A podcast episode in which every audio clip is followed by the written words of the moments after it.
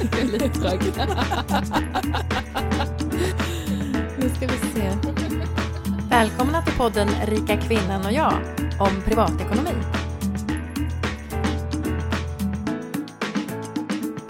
Hur har du hanterat eh, värmen idag? Ja, jag vet inte, det känns som att jag har smält bort så jag har inte hanterat den så bra. Ja, men du har fått fin färg och du var ju lugnet själv när du kom strosande på gatan. Det såg ut som du hade semester och hade all tid i världen. Jag har ju semester och alltid i världen. Kanske därför. Ja, det är skönt att se dig lugn och avspänd. Mm.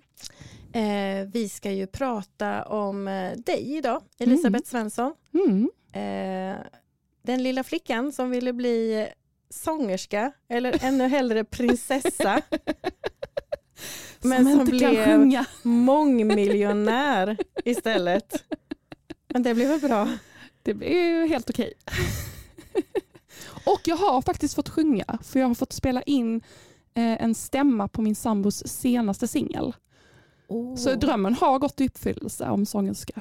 Vad kul! Eller hur? Det visste inte jag. Nej. Vad är det för stämma? Jag har ingen aning. Han sa att han fick autotuna den.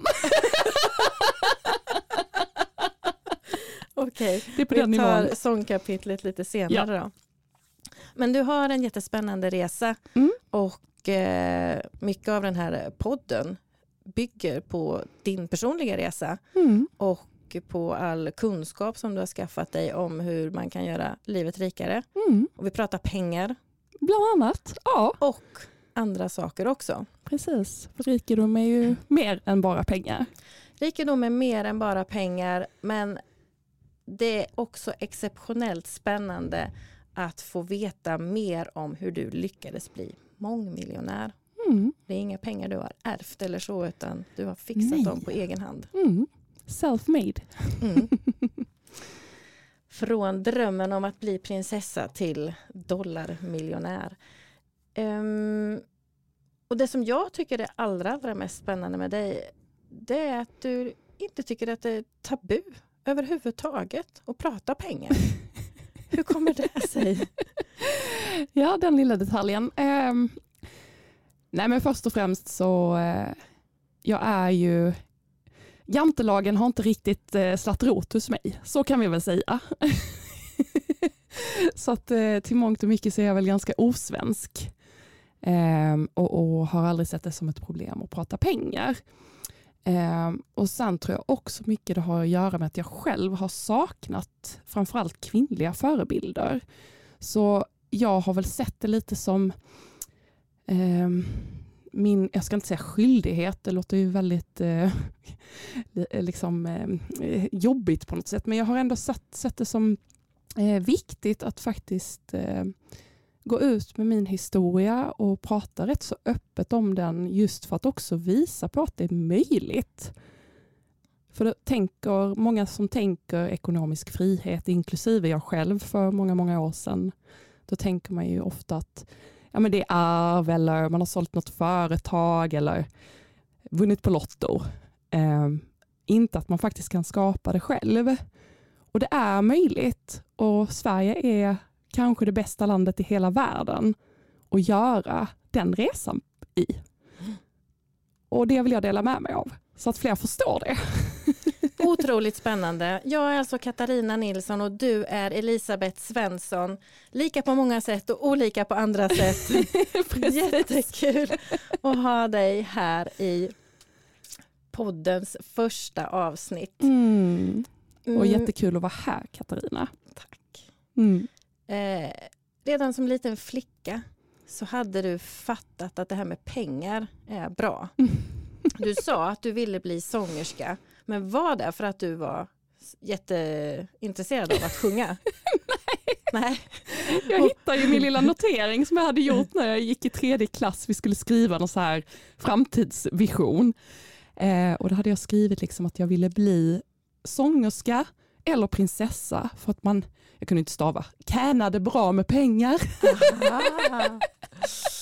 Och när du var 12 år så övertalade du din mamma att investera i aktier Mm. Åt mig då. åt dig. Mm. Mm. Det gjorde jag. Vart kom den idén ifrån? ja, det är en bra fråga. Alltså, jag tror att den idén föddes när jag, eh, eller rättare sagt när mina föräldrar tittade på nyheterna och jag eh, satt bredvid och så kom de till eh, ekonomidelen i nyheterna. Och så pratade man om de här kurserna som rörde sig upp och ner och det var bolag som hade gått ja, men plus några procent eller minus några procent. Jag tyckte alltid att det var jättefascinerande. Eh, Så någonstans så förstod jag väl att skulle man bli rik så var aktier en väg in. Eh, Men jag hade ingen aning om på vilket sätt eller hur. Eller, och det här var ju på den tiden när man var tvungen till att ringa till banken för att göra en affär. Det var inte att gå in på Avanza eller Nordnet som man gör idag. Eh, Så det var ju betydligt mycket mer komplicerat. Eh, Men jag övertalade mamma om att göra det för att jag ville eh, äga aktier. Och fick henne att köpa då mina första aktier i H&M när jag var 12. Blev du rik på dem? alltså det var, det var absolut ingen dålig affär. Eh, men rik? Nej, kanske en 12-åring smått mätt, absolut. Blodad tand? Precis. Efter det så har du gjort otroligt många spännande affärer. Du har jobbat med värdepapper, du har investerat i fastigheter, bitcoin, guld, solpaneler och trädplantage i Afrika. Mm. Du tillhandahåller peer-to-peer-lån. Mm. Det har hänt väldigt mycket Ja, det kan man under säga. de här åren. Du är utbildad civilekonom Mm. vid Lunds universitet, eller? Det stämmer bra. Mm. Men eh, vad var det som fick dig att välja den utbildningsvägen? Ehm, ja, men jag tror att det har att göra mycket med eh, mitt intresse för att faktiskt tjäna pengar. Eh, och för att jag inte visste vad jag ville bli när jag blev stor. Det vet jag fortfarande inte. och då kändes liksom ekonomi som en väldigt bred utbildning och en utbildning där man faktiskt kunde tjäna bra med pengar. Eh, och då föll det sig ganska naturligt eh, på den utbildningen helt enkelt. Mm. Mhm. Jag resonerade tyvärr helt tvärtom när jag växte upp. jag, har varit journalist i dryga 20 år. Jag har varit nöjesreporter och ungreporter och högskolereporter och kommunreporter. Och, Och Ja, alla typer av reportrar. Lokalreporter och webbredaktör och allt möjligt. Men när jag var ung så tyckte jag världen var väldigt spännande och tyckte det var svårt att välja vad man skulle rikta in sig på. Mm. Men en sak var jag säker på. Att jag tyckte golf och ekonomi verkade sjukt tråkigt. Så det skulle jag inte befatta mig med. Det kunde jag liksom räkna bort utan att vara säker på att missa någonting. Och under pandemin så gjorde jag ingenting annat än golfade. Mm. Och här sitter jag nu med dig och eh, brinner för att få veta hur man kan ordna sin ekonomi så att den blir Mm. lite bättre. Vilken tur att man får ändra sig. Ja, precis. Så ska jag ju tillägga att det är skittråkigt att jobba med ekonomi. Ja, för det jag skulle fråga sen var att jag vet ju att utöver att du har jobbat med ekonomi i många år på dagtid så valde du då att på fritiden Mm. utbilda dig ytterligare i ekonomi. Vad handlade det om? Eh, men jag tycker det är viktigt att skilja på kanske när man pratar utbildning, ekonom, arbete, ekonom och sen att jobba med privatekonomi eftersom det är två helt skilda områden. Eh, åtminstone i den världen som jag kommer ifrån. Och eh, jag har aldrig riktigt varit intresserad av att fokusera på att optimera ett företags ekonomi. Utan för mig så har intresset legat i hur kan jag optimisera, optimisera jag kan inte prata, det är värmeslaget. Optimera. Optimera min egen ekonomi så mycket som det bara går efter det.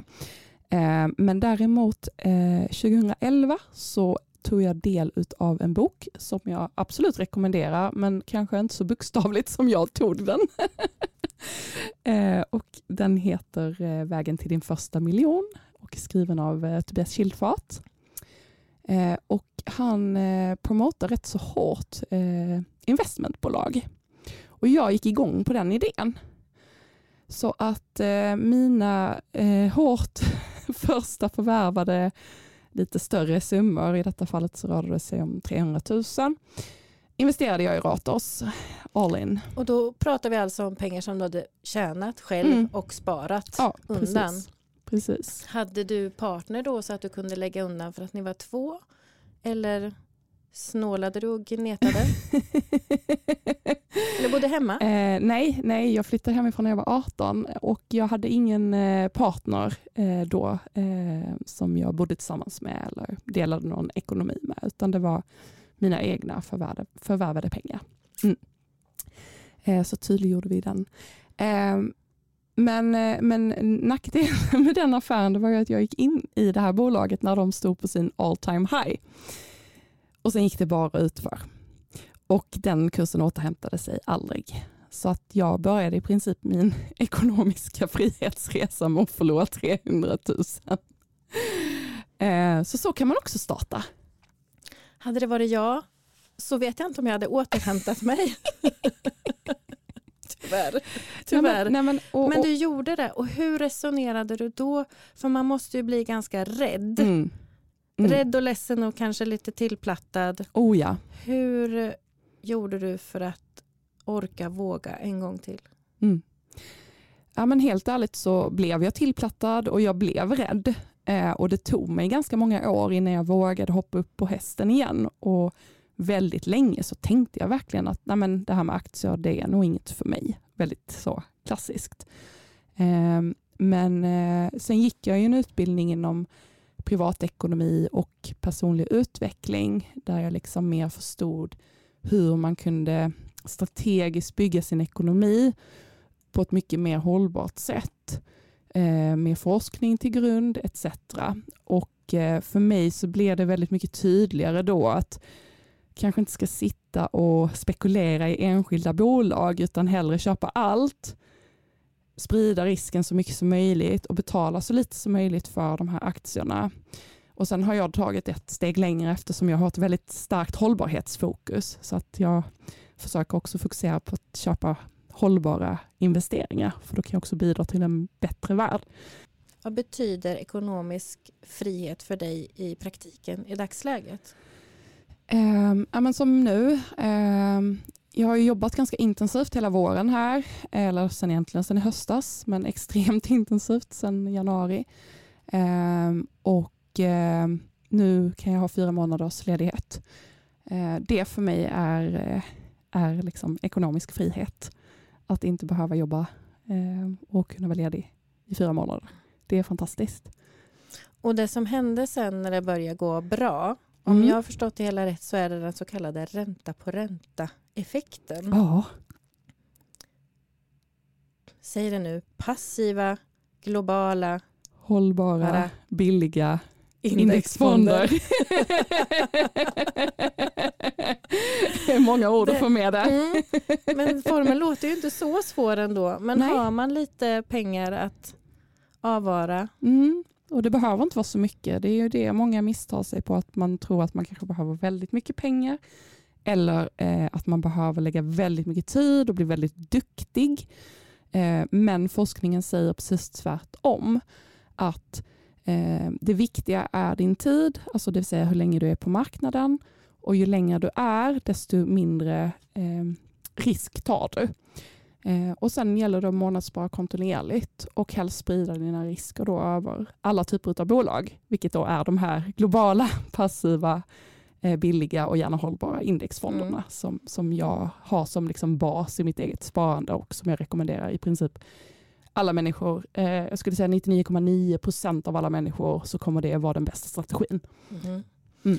Och eh, fortsätta månadsspara säger du, det är ju en nyckel i det hela. Ja, och speciellt i de här tiderna när börserna ligger på eh, minus 20 procent i år, svenska börsen. Eh, då får man också tänka att man får mycket mer för pengarna. Tidigare om du betalar, eh, låt säga eh, 100 kronor så fick du två fondandelar. För samma peng idag så får du då kanske två och en halv fondandel. Kanske inte riktigt så mycket, men, men man får mer för pengarna. Mm. Eh, Och hur mycket kan du avsätta nu som du månadssparar för? Eh, oh, bra fråga. det är så, eh, eh, varje månad så går det in 8000 på, på, eh, mitt, eh, på min fondrobot. Eh, men sen så gör jag också investeringar i sjok så att eh, jag brukar inte räkna så mycket på vad det blir på månaden så att säga. Men, men eh, ungefär 8000. Okej. Okay. Lever man två så är det ju inte orimligt att kunna spara 8000 om man skruvar på andra utgifter. Mm. Nu är detta bara mina pengar jag pratar om. Ja, precis.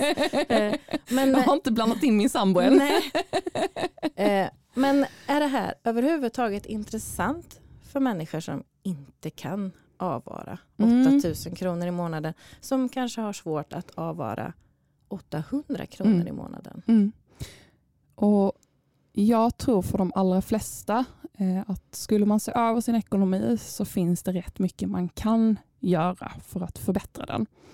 Och Det handlar om att titta på vilka fasta utgifter har jag? Hur kan jag minska dem? Eh, och framförallt, vad lägger jag pengar på? Vad är det som bara går på slentrian? För många av oss kanske spenderar ja, men, man köper en dricka hit, en glass hit, en kaffe och så tänker man att det är bara småsummor. Problemet är att de där småsummorna snart blir till stora summor. Ehm, och ehm, jag har ju levt så fram tills egentligen att jag nådde ekonomisk frihet, att jag har varit väldigt selektiv med vad jag har lagt pengar på, även väldigt små utgifter. Ehm, och det tror jag, alltså jag menar jag har ju levt på 14 000 i månaden i princip sedan jag var student fram tills eh, jag har ökat mina levnadskostnader något, inte jättemycket, men något definitivt. Eh, då, då räknar jag inte in renoveringar, för det är en annan post i min ekonomi. Eh, men men, eh, men eh, det har ju att göra med val i livet och prioriteringar. Och planering såklart. Mm. Du visste vart du skulle? Mm, jag visste mm. precis vad jag skulle. Mm. Ja, tydligt mål och tydligt varför. Du hade mer än 14 000 kronor i inkomst från din ja. tjänst som ja. ekonom. Definitivt. Mm. mm. Men, men, eh, men det var ju som så när jag pluggade. Så eh, på den tiden så låg studiebidraget ungefär på, alltså med, eh, eller eh, lån och bidrag låg på ungefär 7 500. Eh, nu tog aldrig jag lånet, vilket jag ångrar idag, men det, jag visste inte bättre då. eh, men jag jobbade deltid, så att jag hade ut ungefär 14 000 att röra mig med, med i månaden, vilket var ungefär dubbelt så mycket som alla mina kurser hade. Så jag levde väldigt, väldigt gott som student. Eh, och sen när jag började jobba så insåg jag att jag hade en jätteskön livsstil och jag behövde absolut inte göra något mer med den för att förbättra den på något sätt. Så att det kunde jag fortsätta med och leva på de 14, ja men kanske 15 000 i månaden. Idag bor du i hus mm. i Malmö. Men då, vart bodde du då? Eh, när jag pluggade så bodde jag i lägenhet i mm. Malmö. Mm. Och du fortsatte att bo i lägenhet när du gjorde den här resan ja. då? Ja, mm. eh, och eh, hyresrätt. Eh, så att jag har absolut inte gjort någon bostadskarriär som många tänker eller tror. Eh, utan eh, det här är pengar som jag har arbetat och satt i arbete. Arbetat ihop och satt i arbete. Det här med ränta på ränta mm. eh, kan ju låta enkelt men ändå så har jag inte gjort någonting åt det. Så mm. det betyder att jag egentligen inte förstår det. Mm. Men det kan vi väl gå igenom i ett annat avsnitt någon det gång. Det tycker jag absolut mm. att vi ska göra för det är så grundläggande att förstå. jag har levt länge utan att ja, men vi få människor, med mig det. Du är inte ensam. Vi människor är jättedåliga på att tänka exponentiellt. Vi är jättebra på att tänka linjärt. Ett plus ett är två. Men det är det här när det blir upphöjt till och man ser den här exponentiella effekten. Vi, våra hjärnor fixar inte det. Så det har inte med dig att göra Katarina. Tack, det var skönt att höra. Jag förstår inte varför jag satt i baksätet på pappas bil och tänkte att golfekonomi verkar skittråkigt. Men som sagt var, ingenting är för sent. Nej, och nu sitter vi här och har en podd om ekonomi. Mm. Ja, det är fantastiskt. Mm, kommer vi att lära oss jättemycket. Ja. Tack vare dig det leder tankarna in på det som vi pratade om tidigare att eh, du och jag är ju födda och uppvuxna i Sverige båda två och jag upplevde att eh, att det i de flesta sammanhang är ganska tabu att prata pengar. Mm. Åtminstone har det varit det under uppväxten. Och eh, så träffade jag dig och så valde du att göra tvärtom. Och du blinkar liksom inte ens en gång heller utan du bara säger som det är. Och eh, du sa ju lite grann själv tidigare att ja, Jante biter inte på dig men du har ju också visat upp din, din ekonomi på sociala medier Mm. och så så att man kan gå in och titta. Mm. Och eh, det är ändå ett extra steg för att ta sig dit. Så hur landar du i det beslutet? Nej, men som jag nämnde lite initialt så, ja, Jante eh, som sagt biter inte så bra på mig. Eh, och eh, sen så eh, har jag också saknat förebilder, just det här med att se, jag är väldigt visuell av mig. Eh, så jag gillar så här konkreta tydliga exempel som man verkligen kan eh, liksom, nej men rada upp eller se i grafer. Jag älskar ju grafer och Excel och jag ser det som mitt konstverk, min Excel-fil med massa färger och staplar och, och sånt där. Jag tycker det är jätte, jättehärligt. Ehm, och ehm, eftersom det har hjälpt mig så himla mycket i min egen eh, ekonomiska resa eh, och att jag hade önskat att någon annan hade samma, eh, alltså att jag hade kunnat ta hjälp av någon annan på samma sätt så har det varit viktigt för mig också att kunna dela med mig till andra. För jag tänker återigen att om jag kan få någon annan till att fatta att det här är möjligt. För att om jag har kunnat göra det, som är en ja, men vanlig Svensson, då betyder det att du och egentligen vem som helst skulle kunna göra den resan. Om man verkligen vill det. Så att, eh, så att det har väl varit en stark drivkraft för mig. Rika kvinnor heter ditt forum eller? Mm. Mm. Mm. Rikakvinnor.se. Mm. Vart ligger ditt ekonomiska fokus nu? Ehm, ja, just nu så eh, ligger mitt ekonomiska fokus på, eh, jag vet inte, jag har, jag har semesterhjärna så att jag tänker semester. är det ett ekonomiskt fokus? det är en följd av dina tidigare handlingar. Ehm, nej men eh, jag uppfattar som att du eh, undervisar nu. Ja, undervisar och folkbildar. Och det är väl där vi har en gemensam nämnare. ja men absolut. Mm. Ehm, jag har ju själv känt ehm, att jag har gjort den här resan själv nu. Och eh, även om jag skulle tjäna en, två, tio miljoner till så skulle inte det göra så jättestor skillnad i, i mitt och min sambos liv. Men eh, om jag kan hjälpa andra till ett rikare liv och kanske få dem att lägga grunden till ekonomisk frihet eh, eller bygga sin ekonomiska frihet. Det ser jag däremot som att det skulle göra mitt liv mycket rikare. Nu ryser jag. Ja, härligt. Jag med. Jag är lycklig. Här sitter jag, rika kvinnan och jag. Det blir jag glad av. Eh, Jag nej, kanske så också jag lämnar ser, på kuppen. Absolut. Nej, men jag ser det lite som nästa steg, att, att nu har jag gjort resan, det är dags för mig att dela med mig. Och det känner jag en jättestark eh, drivkraft för. Jag blir alldeles så här lycklig och sprallig och, och känns, eh, det kittlar liksom i magen. Vad tror du att vi kommer prata om i avsnitten framöver? Ja, men jag tänker eh, definitivt ränta på ränta. Det pratade vi lite om. Eh, jag tänker också kanske budget. Att titta lite på hur man kan tänka. Eh, det är också saker jag delar med mig av i bloggen och, och liksom hur jag och min sambo, hur vår budget ser ut till exempel.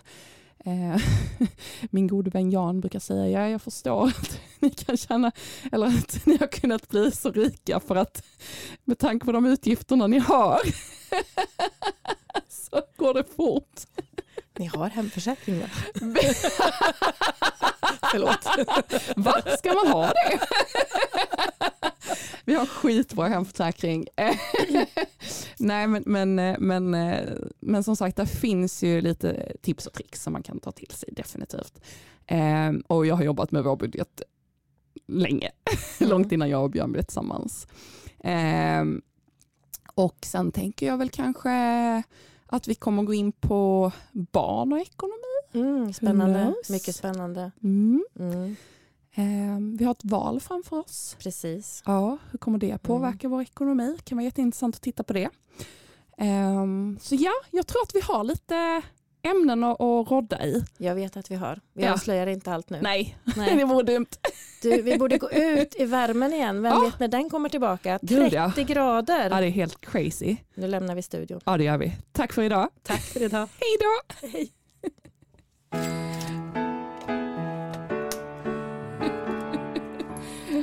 Ja, det blir bra. Ja, jag är helt svettig.